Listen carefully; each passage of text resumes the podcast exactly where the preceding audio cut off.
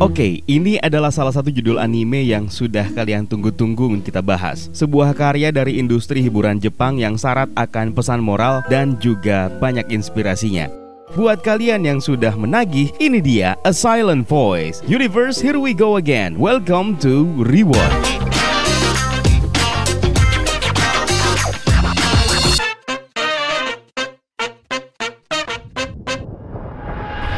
Judul aslinya adalah Koe no Katachi, dirilis perdana di Jepang pada tahun 2016 dan penayangan worldwide-nya pada tahun 2017. Disutradarai oleh Naoko Yamada, film ini diadaptasi dari manga dengan judul yang sama yang ditulis oleh Yoshitoki Oima. Karakter utamanya Soya Ishida dengan pengisi suara Miyu Irino dan ada Shoko Nishimiya dengan pengisi suara Saori Hayami. Untuk lebih mendapatkan feel dari film ini kita sarankan ditonton dulu aja. Oleh karena itu kita kasih spoiler warning terlebih dahulu buat kalian yang masih tetap tetap ngeyel pengen lanjut aja.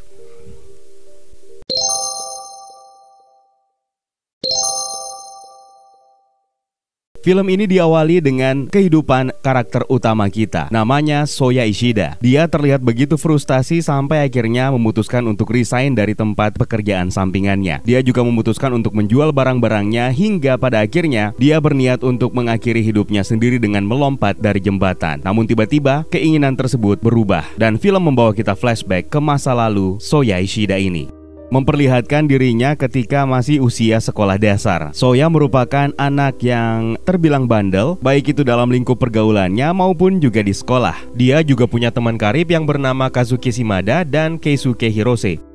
Hingga satu hari ketika proses belajar mengajar sedang digelar, kelasnya kedatangan seorang siswi baru. Ketika dipersilahkan untuk memperkenalkan diri di hadapan para teman-teman barunya, siswi baru ini tidak menunjukkan reaksi apa-apa. Nantilah ketika tepuknya di pundak, eh Maksudnya pundaknya ditepuk. Dia pun akhirnya memulai untuk memperkenalkan diri namun melalui sebuah buku. Namanya adalah Shoko Nishimiya yang ternyata merupakan seorang tunarungu. Di hari pertamanya sekolah, Shoko mendapatkan sambutan hangat dari teman-teman cewek sekelasnya di mana dia memperkenalkan nama panggilannya yang rupanya sama dengan nama panggilan Soya, yaitu So-chan. Shoko pada akhirnya mulai berintegrasi dan beradaptasi dengan kelasnya, termasuk dengan metode pembelajaran yang mana tentu saja akan berbeda dengan teman-teman sekelasnya yang normal. Ide yang sedikit buruk ketika mengajak Shoko untuk masuk ke dalam tim paduan suara. Ketika latihan, ya lihat saja hasilnya.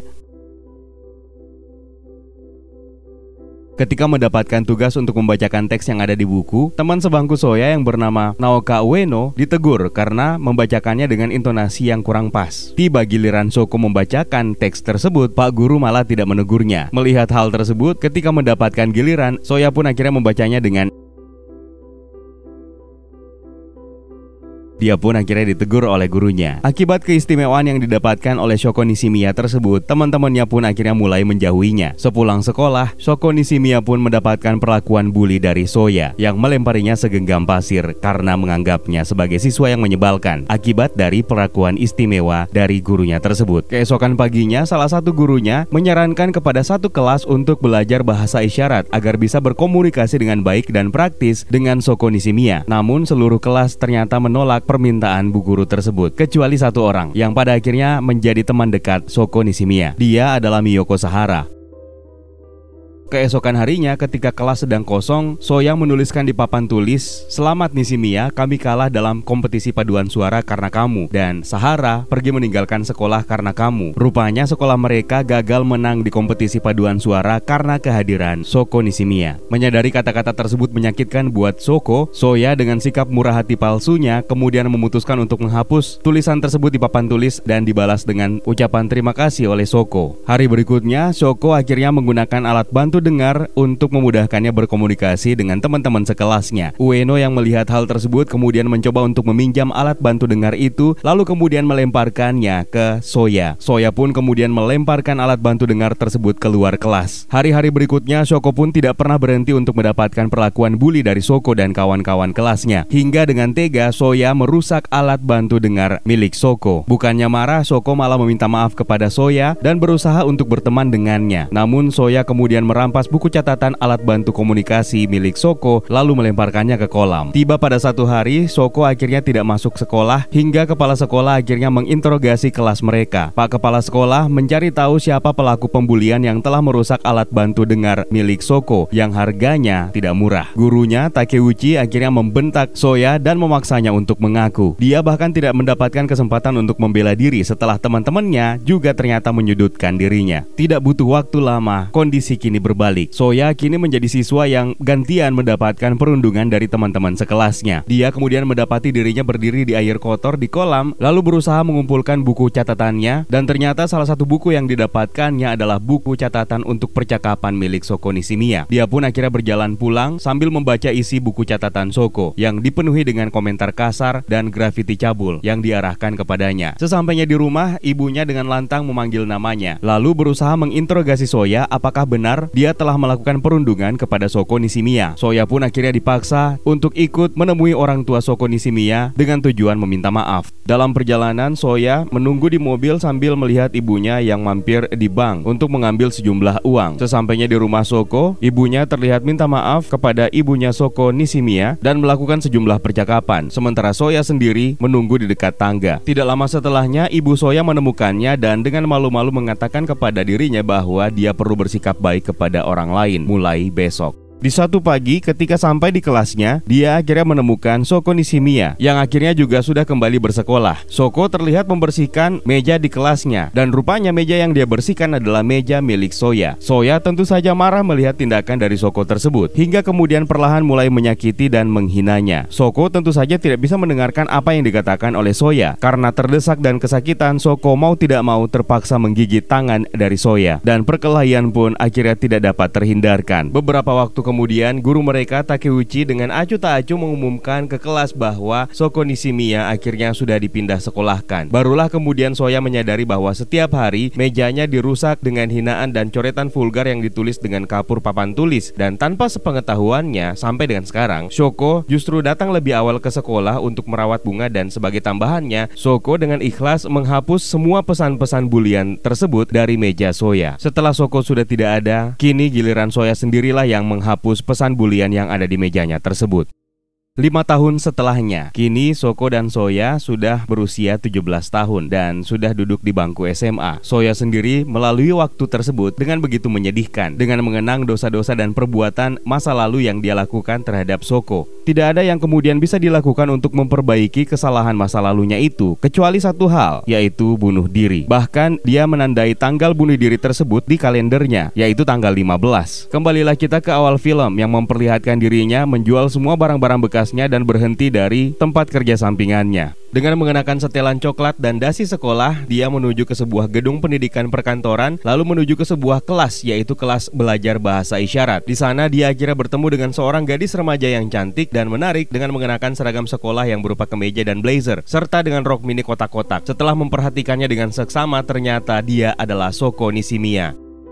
Setelah memperkenalkan dirinya sebagai Soya Ishima, seketika itu juga Soko akhirnya berubah wajahnya menjadi ketakutan dan berlari menghindari Soya. Buru-buru Soya pun akhirnya mengejarnya. Lalu dengan bahasa isyarat, Soya mengembalikan buku catatan komunikasi miliknya yang dulu dia lemparkan ke air mancur. Soko yang terkejut kemudian memberi tanda dengan bahasa isyaratnya bahwa dia pengen tahu bagaimana caranya Soya bisa tahu bahasa isyarat. Yang dijawab oleh Soya bahwa dia belajar bahasa isyarat secara khusus agar bisa berkomunikasi dengan Soko untuk terakhir kali. Tidak lama setelahnya, Soya pun menawarkan dirinya untuk berteman dengan Soko. Rupanya apa yang baru saja terjadi merupakan mimpi dari Soya. Dia akhirnya menyadari bahwa satu hal terakhir yang harus dia lakukan sebelum melakukan bunuh dirinya adalah dengan meminta maaf kepada Soko Nishimiya. Dia pun akhirnya terbangun di pagi hari tepatnya tanggal 16 di mana dia tidur di lantai yang kosong di kamar yang kosong di lantai atas rumahnya. Dia terbangun setelah dipanggil oleh keponakannya yang bernama Maria yang berusia lima tahun. Di meja makan, ibu Soya Soya senang sekali dengan amplop yang dia dapatkan, yang mana itu adalah hasil jerih payah Soya selama ini. Ibunya kemudian marah dan mengancam untuk membakar amplop yang berisi uang tersebut, kecuali jika Soya berjanji untuk tidak melakukan bunuh diri. Soya pun bersedia dan berjanji untuk tidak melakukannya lagi. Tapi sayang, amplopnya udah keburu kebakar.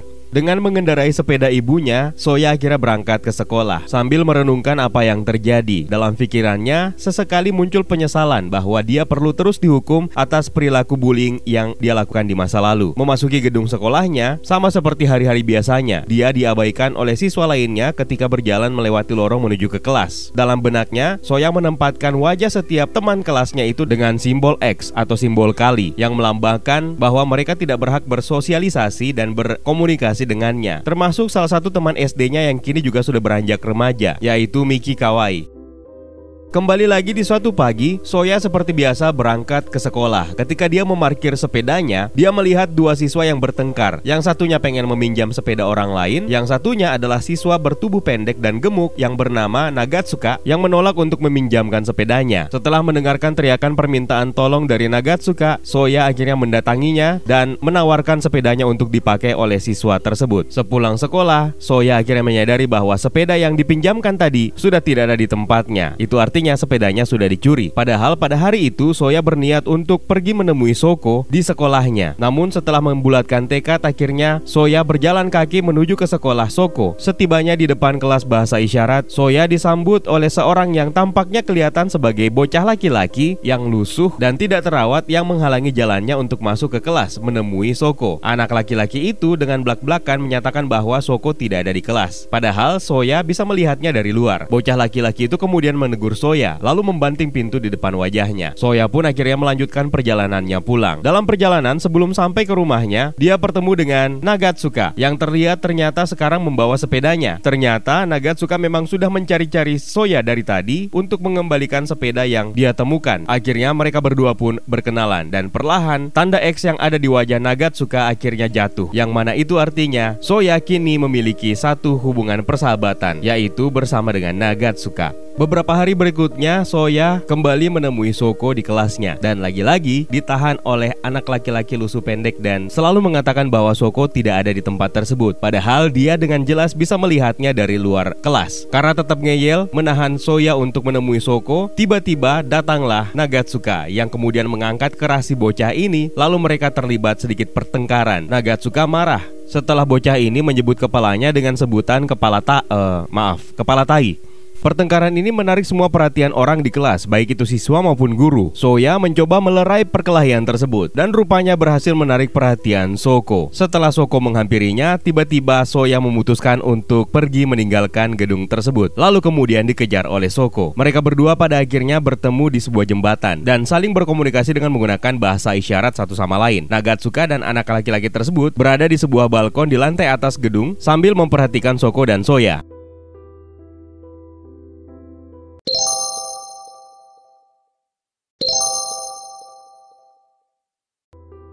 Ketika Soya memberikan makan ikan-ikan yang ada di bawah jembatan, tiba-tiba Soko memperlihatkan buku catatan untuk percakapannya yang sudah terlihat usang. Soya mencoba mengambil buku catatan tersebut dengan maksud untuk menghalangi Soko untuk membuka kembali catatan-catatan buruk yang telah dia tulis dalam buku itu. Hingga tiba-tiba buku catatan tersebut terlepas dari tangannya dan terjatuh ke bawah air. Soko kemudian memutuskan untuk terjun ke air untuk mengambil buku catatannya itu dan diikuti oleh Soya. Momen tersebut sempat dijepret oleh anak laki-laki yang mengintai mereka berdua dengan menggunakan kamera.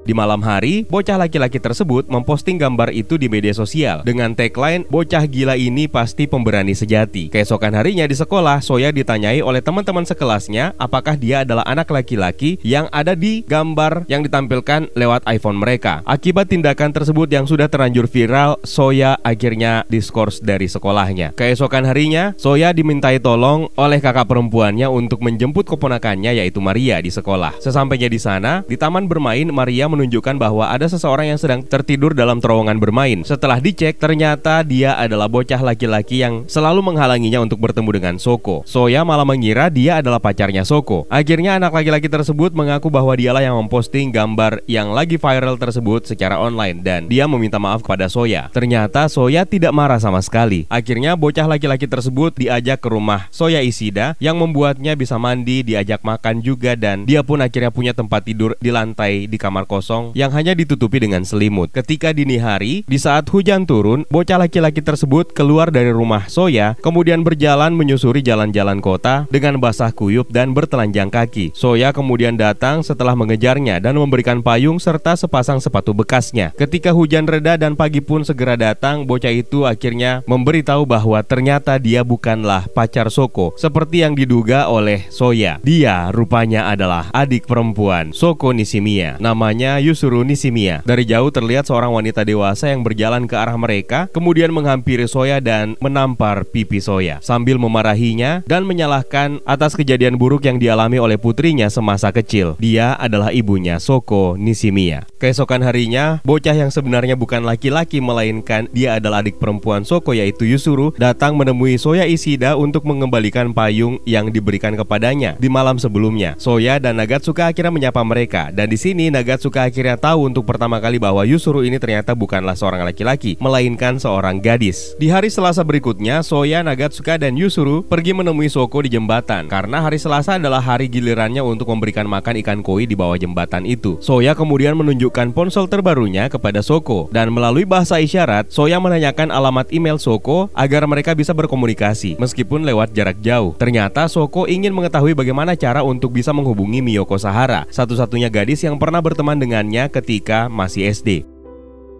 Keesokan harinya di sekolah, Soya kemudian melihat Miki Kawai, lalu kemudian bertanya apakah dia masih ingat dengan Miyoko Sahara. Melalui petunjuk yang dia dapatkan, di akhir pekan berikutnya, Soya dan Agatsuka memutuskan untuk pergi ke stasiun kereta menuju ke Akademi Gadis Taiyo.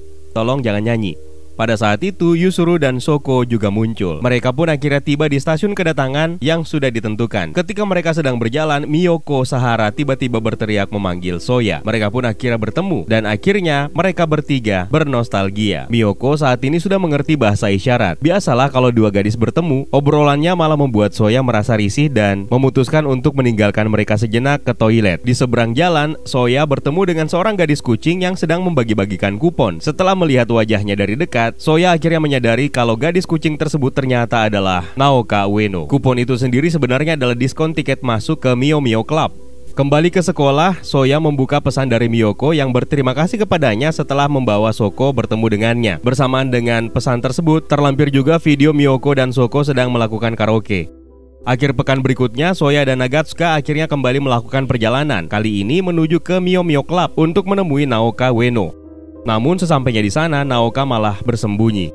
Di hari berikutnya, Yusru bersama dengan Maria datang mengunjungi Soya, di mana Soya akhirnya meminta Yusru untuk memberikan sebuah tas kucing untuk Soko sebagai hadiah darinya. Di malam hari, Yusru masuk ke kamar Soko dan menemukan Soko sedang terbaring di tempat tidur kesakitan dan salah satu implan koklea atau alat bantu dengarnya dilepas dan diletakkan di samping bantalnya. Yusru kemudian diam-diam meletakkan tas kucing di atas ranjang, lalu kemudian pergi. Beberapa hari kemudian, Soya yang sedang bersepeda dikejutkan dengan seseorang yang melompat di belakang sepedanya. Dia adalah Naoka Wen Naoka juga memperhatikan seorang gadis di seberang jalan yang tidak lain adalah Soko Nishimiya yang melihatnya memegang tas kucing dari Mio Mio Club. Naoka kemudian berlari untuk menemui Soko, lalu mencoba merampas alat bantu dengarnya sama seperti yang dulu dia lakukan. Soya kemudian mengambilnya dan berusaha untuk mengembalikannya kepada Soko sambil meminta maaf atas nama Naoka. Naoka lalu kesal dan mengambil kembali alat bantu dengar tersebut, lalu mengganggu mereka berdua dan menuduh mereka berpacaran. Naoka akhirnya memutuskan untuk pergi setelah melontarkan beberapa kalimat hinaan yang untung untung saja tidak didengarkan oleh Soko. Soko berusaha menanyakan tentang pembicaraan mereka namun Soya bersikeras untuk menolak memberitahunya, lalu memilih untuk pergi.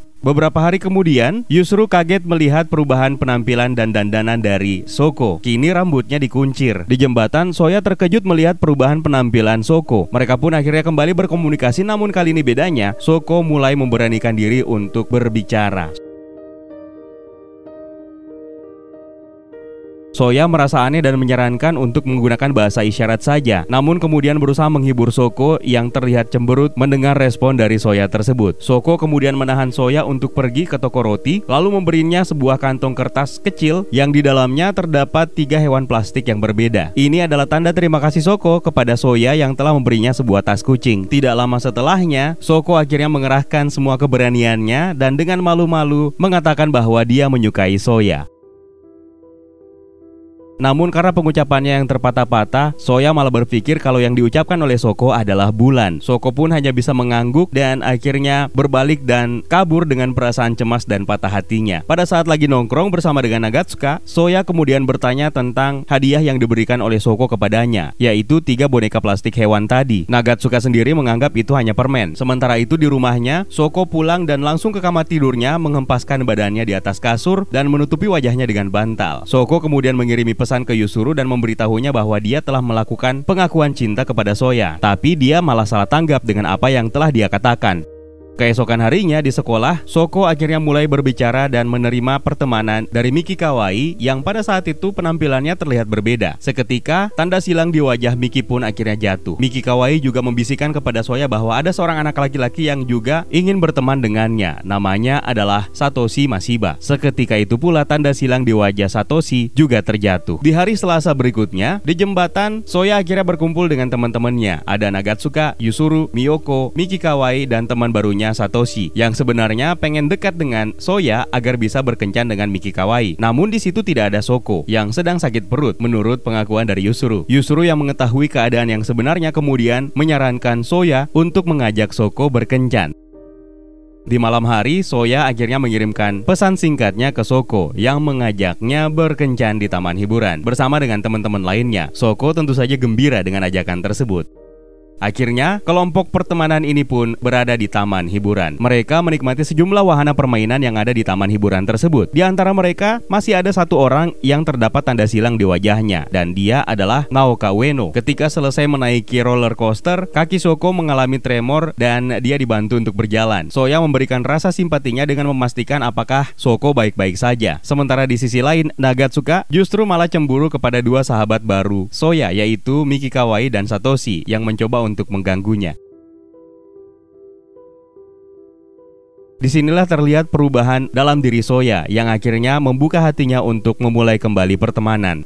Tanda silang yang ada di wajah Naoka Ueno pun juga perlahan mulai terjatuh. Tidak lama setelahnya Naoka meminta Soya untuk membelikannya takoyaki. Sesampainya di kios takoyaki, Soya terkejut melihat penjaga kios tersebut yang tidak lain adalah Shimada, teman lamanya ketika SD. Temannya yang meninggalkan Soya setelah melakukan penindasan dan perundungan kepada Soko. Soya kemudian berpaling dan pergi meninggalkan kios tersebut. Seketika itu pula, tanda silang di wajah Naoka Ueno kembali muncul. Ternyata Naoka punya niat untuk menyatukan kembali dua sahabat lama ini dengan mengatakan bahwa kalau saja Soko tidak datang di antara mereka, persahabatan di antara mereka pun pasti akan langgeng. Naoka tiba-tiba memutuskan untuk mengajak Soko untuk menikmati wahana biang lala. Soya kemudian curiga dengan niat dari Naoka tersebut. Sebelum menaiki biang lala, Yusuru menitipkan kameranya untuk dibawa oleh Soko. Keesokan harinya, Yusuru mendatangi rumah Soya Isida, lalu kemudian memperlihatkan rekaman yang diambil dari kamera yang dibawa oleh Soko ketika menaiki wahana biang lala bersama dengan Naoka. Video tersebut memperlihatkan Naoka menyerang Soko secara verbal dan kemudian menyalahkan kehadirannya di antara pertemanan mereka ketika SD. Soko kemudian meminta maaf kepada Naoka atas apa yang telah terjadi di antara mereka, namun permintaan maaf tersebut ditolak. Lalu kemudian memukul Soko.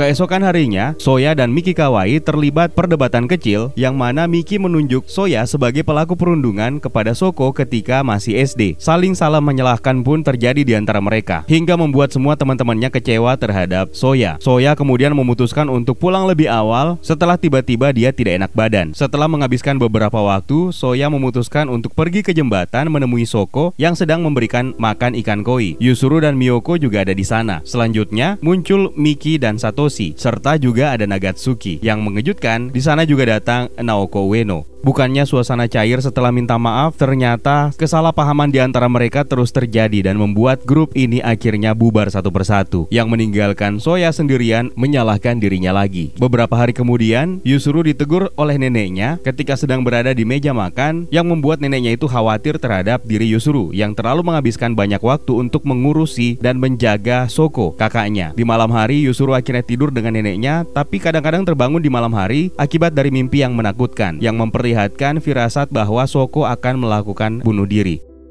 Keesokan harinya, Soya pergi ke jembatan dengan maksud untuk menemui Soko dan menghiburnya. Namun di sana ternyata tidak ada orang. Yang ada justru terlihat Yusuru dari kejauhan dengan mengenakan seragam sekolah. Yusuru terlihat menangis diam-diam, lalu kemudian menemui Soya dan berpura-pura tidak terjadi apa-apa. Tidak lama setelahnya, Shin berganti ke acara pemakaman neneknya Soko dan Yusuru. Keesokan harinya, Soko dan Soya akhirnya kembali berkencan alias jalan bareng. Ini dilakukan oleh Soya untuk menghibur Soko agar tidak tidak terlalu larut dalam suasana depresinya. Tapi sayangnya tidak berhasil karena Soko terus menganggap dirinya menjadi penyebab Soya terasing dari pergaulannya. Di hari-hari berikutnya, Soya terus mengajak Soko untuk berkencan dan Yusuru pun juga ikut serta. Tapi semakin lama dia justru semakin memperhatikan bahwa Soko justru mengalami depresi yang lebih dalam dan bahkan dia berkesimpulan bahwa Soko akan melakukan bunuh diri. Tiba pada suatu hari, Soya diajak paksa untuk membantu Soko dan Yusuru di dapur rumahnya untuk sebuah acara penting penting. Barulah ketahuan kalau mereka bertiga ternyata sedang membuat sebuah kue ulang tahun yang diperuntukkan sebagai kejutan untuk Nyonya Nishimiya. Tentu saja ini membuat Soya ketakutan, apalagi dia pernah digampar oleh Nyonya Nishimiya. Beruntung Soya akhirnya diterima dalam pesta kecil-kecilan tersebut. Tidak lama setelahnya, Yusuru kemudian mengajak Soya untuk bergabung dalam acara peringatan festival musim panas dan kembang api, di mana Soko juga punya rencana besar di malam tersebut. Festival musim panas pun akhirnya tiba, di mana mereka semua akhirnya kembali bersama bersama.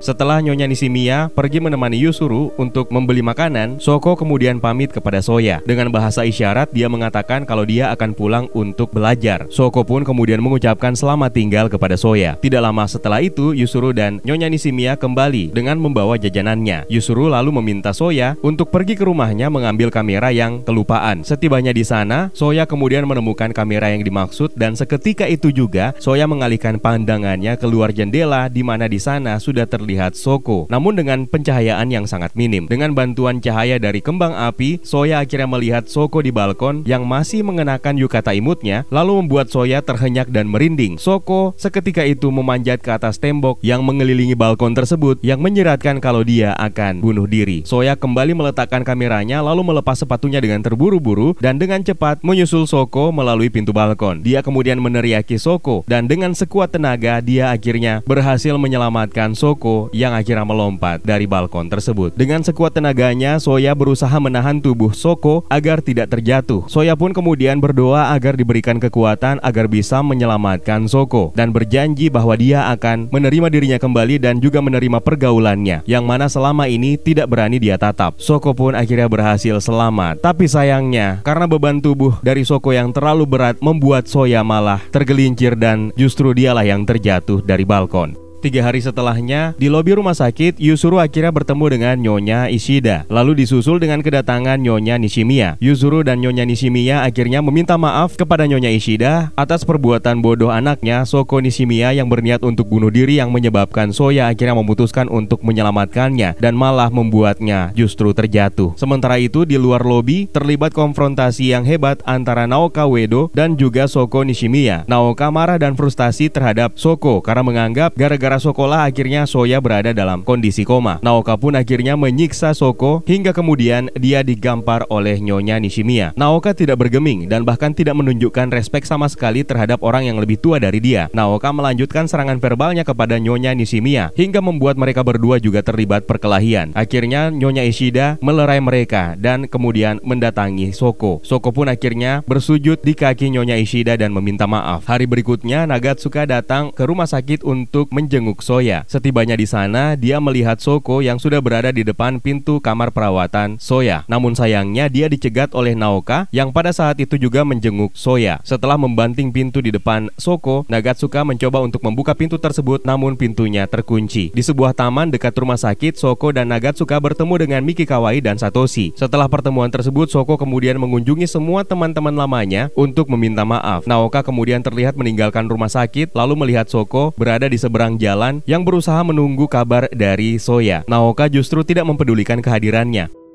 Sementara itu, Soya yang sudah koma hampir selama dua minggu, tiba-tiba memimpikan gurunya ketika masih SD, yaitu Takeuchi. Kemudian bermain di taman bermain dengan Naoka, lalu juga memimpikan ketika dirinya akan bunuh diri. Di saat yang sama, Soko juga memimpikan orang-orang yang berhasil menyelamatkan Soya di saat dia berhasil menyelamatkannya bunuh diri. Mereka adalah Kesuke dan Kazuki. Soko pun terbangun dari mimpinya lalu menyelinap keluar rumah menuju jembatan meratapi dirinya dan kondisi Soya. Soya juga di saat yang sama terbangun dari mimpinya lalu memaksakan memaksakan diri menyelinap keluar dari rumah sakit menuju jembatan di mana dia akhirnya menemui orang yang dia cari yaitu Soko Nishimiya. Pada kesempatan itu Soko yang masih bersikeras menyatakan dirinya bersalah berusaha meyakinkan dirinya bahwa Soya yang dilihatnya itu bukanlah mimpi. Soya pun akhirnya memanfaatkan kesempatan memenuhi janjinya ketika di balkon ketika menyelamatkan Soko yaitu untuk meminta maaf secara langsung atas perlakuannya semasa kecil yang mana itu belum pernah dia lakukan. Soya pun berjanji kepada Soko akan membantunya untuk menjalani hidup.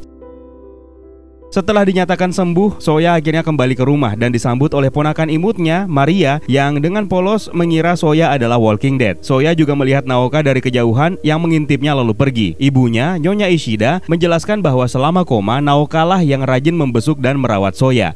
Ketika berdua di taman, Naoka pun menjelaskan bahwa Keisuke dan Kazuki lah yang telah menolongnya dan dia juga terang-terangan masih membenci Soko Nishimiya. Sekembalinya ke rumah, Soya menemukan Nyonya Nishimiya menjadi pelanggan salon ibunya. Nyonya Nishimiya pun meminta maaf kepada Soya. Di kamarnya sudah ada Yusuru yang menunggunya untuk meminta diajar dengan baik karena dia berniat untuk meneruskan sekolahnya. Keesokan harinya, Soya memutuskan untuk pergi ke festival musim panas sekolah memenuhi janji yang telah dia buat dengan Soko sehari sebelumnya. Sebelum berangkat, Soya akhirnya mengetahui bahwa hadiah boneka hewan plastik yang diberikan oleh Soko kepadanya itu ternyata sebagai penanda bunga. Sesampainya di sekolah, Soko dan Soya akhirnya bertemu dan masuk ke gedung sekolahnya di mana orang-orang membicarakan tentang dirinya. Sambil tertunduk, Soya menjelaskan kepada Soko bahwa dirinya memang selalu seperti itu, tidak menatap orang-orang di sekitarnya. Soko berusaha menghibur Soya, lalu menuntunnya ke festival. Namun tiba-tiba rasa mualnya kembali kambuh. Di toilet, Nagatsuke mendatanginya dan menyatakan kerinduannya terhadap sahabatnya tersebut. Ternyata di sekolah setelahnya itu juga sudah hadir teman-teman segengnya, termasuk Naoka yang kemudian menyerang Soko secara verbal dengan kata bodoh, lalu juga dibalas oleh Soko dengan kata yang sama namun dengan bahasa isyarat.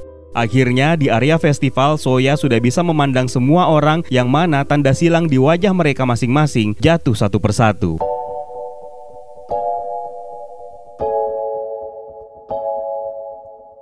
Koe no Katachi atau A Shape of Voice atau A Silent Voice menjadi salah satu anime favorit banyak orang dengan plot line yang memilukan dan menyesakkan. Kita bahkan dibuat tidak sadar sedang disuguhkan sebuah plot twist mengejutkan di babak akhir yang mana kondisi berbalik dan sebenarnya yang jauh lebih pantas disebut korban di atas korban adalah Soya sendiri akibat penggambaran Soya yang sejak awal berhasil mencitrakan inkarnasinya itu sebagai sosok bandel, usil dan tidak punya hati. Lalu kemudian seketika berbalik mendapatkan karmanya terutama kepada kaum disabilitas. Namun dalam film ini rupanya tidak serta-merta menyajikan plot ini secara polos yang mana kalau di Indonesia endingnya pasti keburukan karakter antagonis semakin di blow up tuh. Film ini justru menyediakan hal yang berbeda kepada sosok Naoka yang mana kita pada akhirnya bisa menerimanya berada dalam geng ini. Yang diperlihatkan adalah sikap bengisnya. Padahal secara tidak sadar kita dibuat lupa kalau di babak awal sebenarnya Naoka lah yang sering membantu Soko Nishimiya untuk berkomunikasi di kelas. Kelemahannya yang juga menjadi pertanyaan utama utama sebenarnya adalah apa iya di Jepang sana tidak ada sekolah khusus untuk kaum disabilitas? Nah, berikutnya ada beberapa elemen menarik yang kita dapatkan dari anime ini. Yang pertama adalah ikan koi yang melambangkan kedamaian, di mana ketika karakter utama memberikan makan kepada ikan tersebut, maka suasana damai akan menguasai screen. Sementara air menjadi elemen utama yang terjawab di akhir sebagai elemen penentu dari semua roller coaster yang terjadi di antara sahabat dan karakter utama ini.